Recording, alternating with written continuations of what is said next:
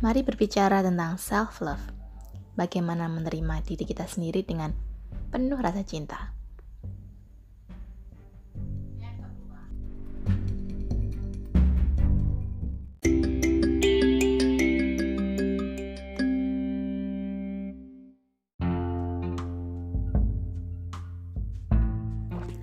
Halo teman-teman Workaholic Podcast. Kali ini saya kembali lagi dalam sebuah tema yang lebih berkaitan dengan self love, tidak tentang menulis. Nah, di Instagram saya kemarin saya membuat polling. Jadi iseng-iseng saya bikin question gitu. Apakah teman-teman mau dibikinkan podcast tentang bagaimana sih cara kita supaya tetap cuek dan sekaligus cemerlang walaupun banyak haters atau cibiran yang datang.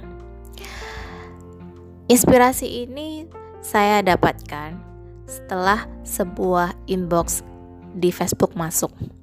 Jadi ada salah satu junior saya di kampus yang bertanya, "Kak, bagaimana sih caranya supaya kita bisa tetap pede, bisa tetap confidence sama diri kita?"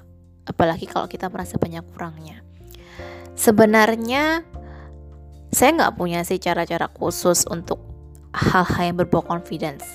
Karena bagi saya apa pun bisa dipelajari. Yang selama ini kita kurang bisa atau selama ini kita merasa kurang skillnya mungkin karena kita terlalu takut untuk mencoba. Mungkin kita terlalu takut untuk keluar dari zona nyaman. Nah, tapi saat ini yang ingin saya fokuskan adalah supaya kita tetap confidence walaupun orang lain menghina atau mencibir kita. Berdasarkan dari pengalaman pribadi ya, jadi saya juga pernah kok mengalami masa-masa uh, rendah diri dan juga terlalu mendengarkan apa kata orang lain hingga confidence-nya itu turun. Nah, yang pertama itu adalah hold your reaction. Sering banget kan kalau kita misalnya mendengarkan komentar orang, otomatis kita akan terpicu, kita akan ke-trigger untuk membalas mereka dengan kalimat yang sama buruknya. Atau misalnya ketika ada orang yang mengkritik karya kita ataupun menghina pencapaian kita, maka otomatis kalimat yang ingin kita katakan atau mungkin kita hibahin sama teman terdekat adalah dia itu kan nggak tahu prosesnya kita. Kenapa dia ngecek aku? Dia sendiri juga begini bla bla bla. Akhirnya kita hmm, terpengaruh emosi negatif dari omongan orang tersebut.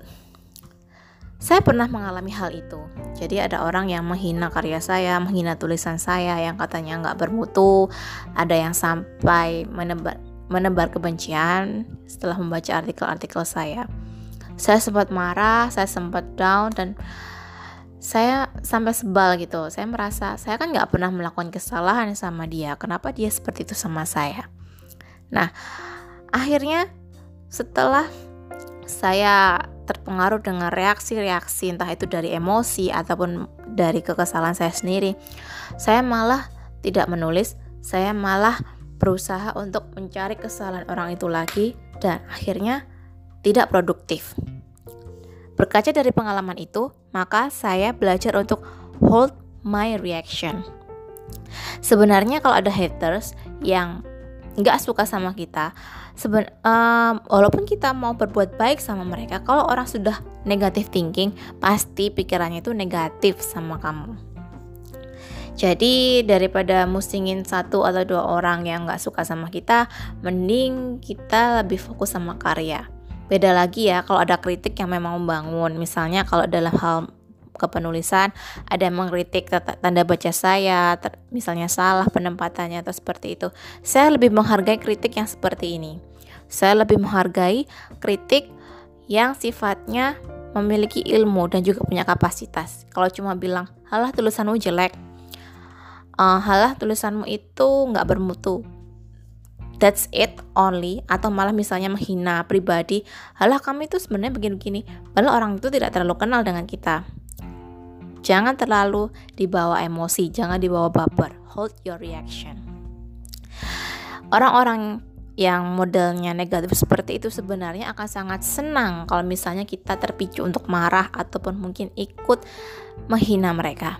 Just relax. Mungkin kamu boleh marah sebal, tapi tahan jangan sampai kamu membalas atau membuat kata-kata buruk di media sosial kamu. Just let it flow, berkarya lagi, abaikan saja.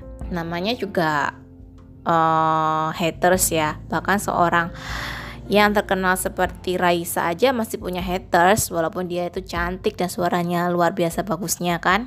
Jadi ya apalagi kita yang hanya orang biasa dan ingin mencoba berkarya. Stay calm.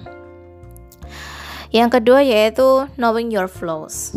Nah kebalikannya dari yang pertama tadi uh, mungkin di antara sikap kita ada beberapa hal yang tidak mengenakan ataupun mungkin uh, kita sendiri sering melakukan hal-hal yang menyebalkan tanpa kita sadari. Nah, misalnya ada beberapa kritik atau mungkin ada kalimat-kalimat negatif yang disampaikan ke kita karena sikap kita yang dianggap jutek misalnya, kita dianggap sombong, kita dianggap ya tidak sosial pada orang lain. Coba tanyakan itu pada diri sendiri, apakah memang saya seperti itu? Atau yang kedua, tanyakan pada orang lain yang terdekat dan mengerti karakter kita baik dan buruknya. Nah, orang yang terdekat itu kan biasanya lebih paham ya sama kelebihan dan kekurangan kita. Kenapa mereka masih bisa betah sama kita? Ya karena mereka bisa menerima kekurangan kita, tapi belum tentu orang lain yang tidak dekat sama kita itu bisa menerima sikap kita. Jadi, uh, coba evaluasi diri. Mungkin ada yang salah dari saya. Saya juga pernah kok mengalami hal seperti ini. Saya tuh orangnya ceplas-ceplos dan sering kali berkata tanpa dipikir dulu. Nah, uh, ketika ada yang bilang kalau saya mungkin terlalu open dan bisa menyinggung orang lain, saya berpikir, oh mungkin seperti ini ya. Bagi saya ini jujur, tapi mungkin bagi orang lain itu menyakitkan. Maka saya minta teman terdekat untuk bisa mengevaluasi saya secara jujur. Dan ya beneran teman dekat saya juga masih sering tersinggung sama omongan saya. Dan di sini saya belajar untuk bisa lebih mengerem omongan saya supaya tidak terlalu ceplos-ceplos lagi. Ya memang itu sulit ya, apalagi kalau sudah menjadi karakter dasar. Tapi apa salahnya kita untuk mencoba untuk menjadi lebih baik. Ya paling enggak kalau misalnya mau komen pedas, saya rem dulu. Saya mikir, oh kira-kira ini menyinggung nggak ya? Seperti itu sih. Nah, knowing your flaws. Lalu yang ketiga yaitu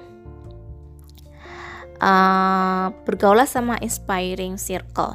Jadi, kalau misalnya kalimat-kalimat negatif atau nyinyir itu datang dari circle terdekat kita, misalnya keluarga, ataupun mungkin teman, ataupun mungkin partner kamu di tempat kerja.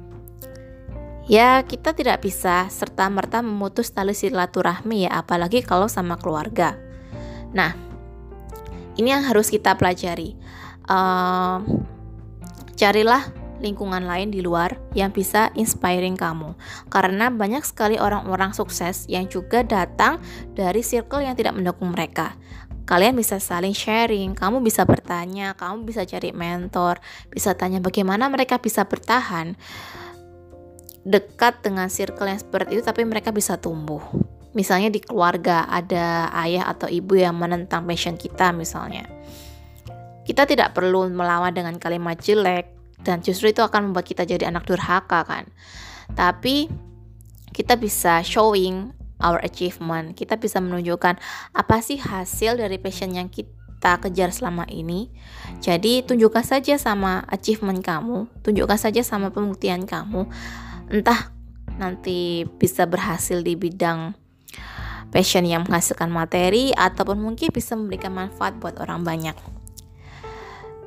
Kamu harus mencari circle yang bisa support.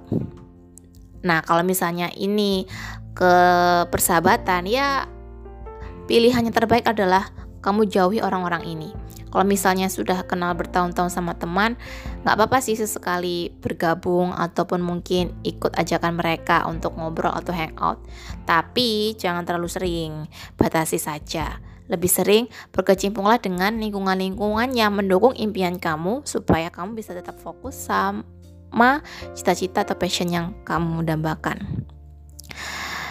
Nah, yang terakhir itu adalah fokus to your growth. Fokus sama pertumbuhan kamu. Apa sih maksudnya? Jadi begini, kalau ada orang yang nyinyir, ada orang yang uh, hating semua pencapaian kamu, just ignore them. Kamu tetap fokus dan tumbuhkan curiosity kamu atau rasa ingin tahu kamu pada hal yang sedang kamu pelajari. Nah, misalnya nih, saya suka menulis. Ada orang yang bilang, "Allah, kamu penulis yang begini, begini, begini." Ya, sedih sih nggak apa-apa, tapi tidak usah terlalu difikirkan. Kita fokus aja sama apa yang kita pelajari. Saya belajar untuk ngeblog, saya belajar untuk bisa menulis content writing yang benar. Lalu saya juga hmm, mengikuti seminar-seminar pengembangan diri supaya saya bisa bikin kelas menulis sendiri. Saya fokus dan setiap tahun saya punya milestone yang saya rencanakan di setiap awal tahun. Saya ingin begini.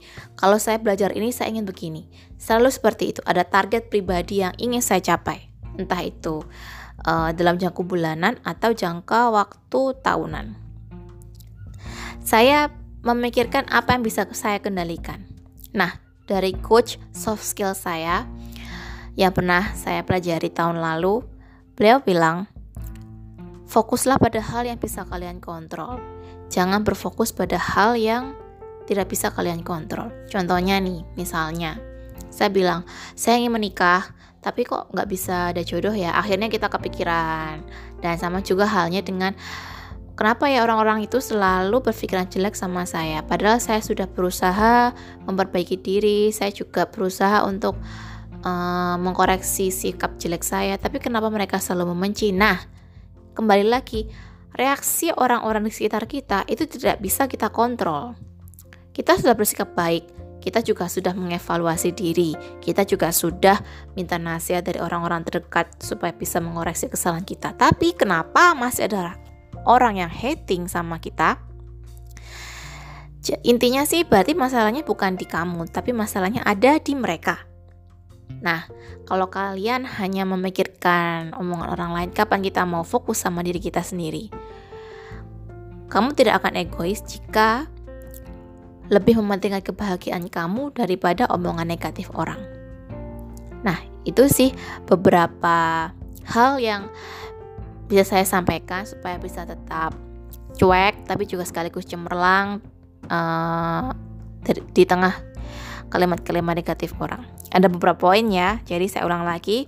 Hold your reaction, knowing your flows, bergaul sama inspiring circle, dan juga fokus to your growth. Sampai jumpa di podcast berikutnya. Dah.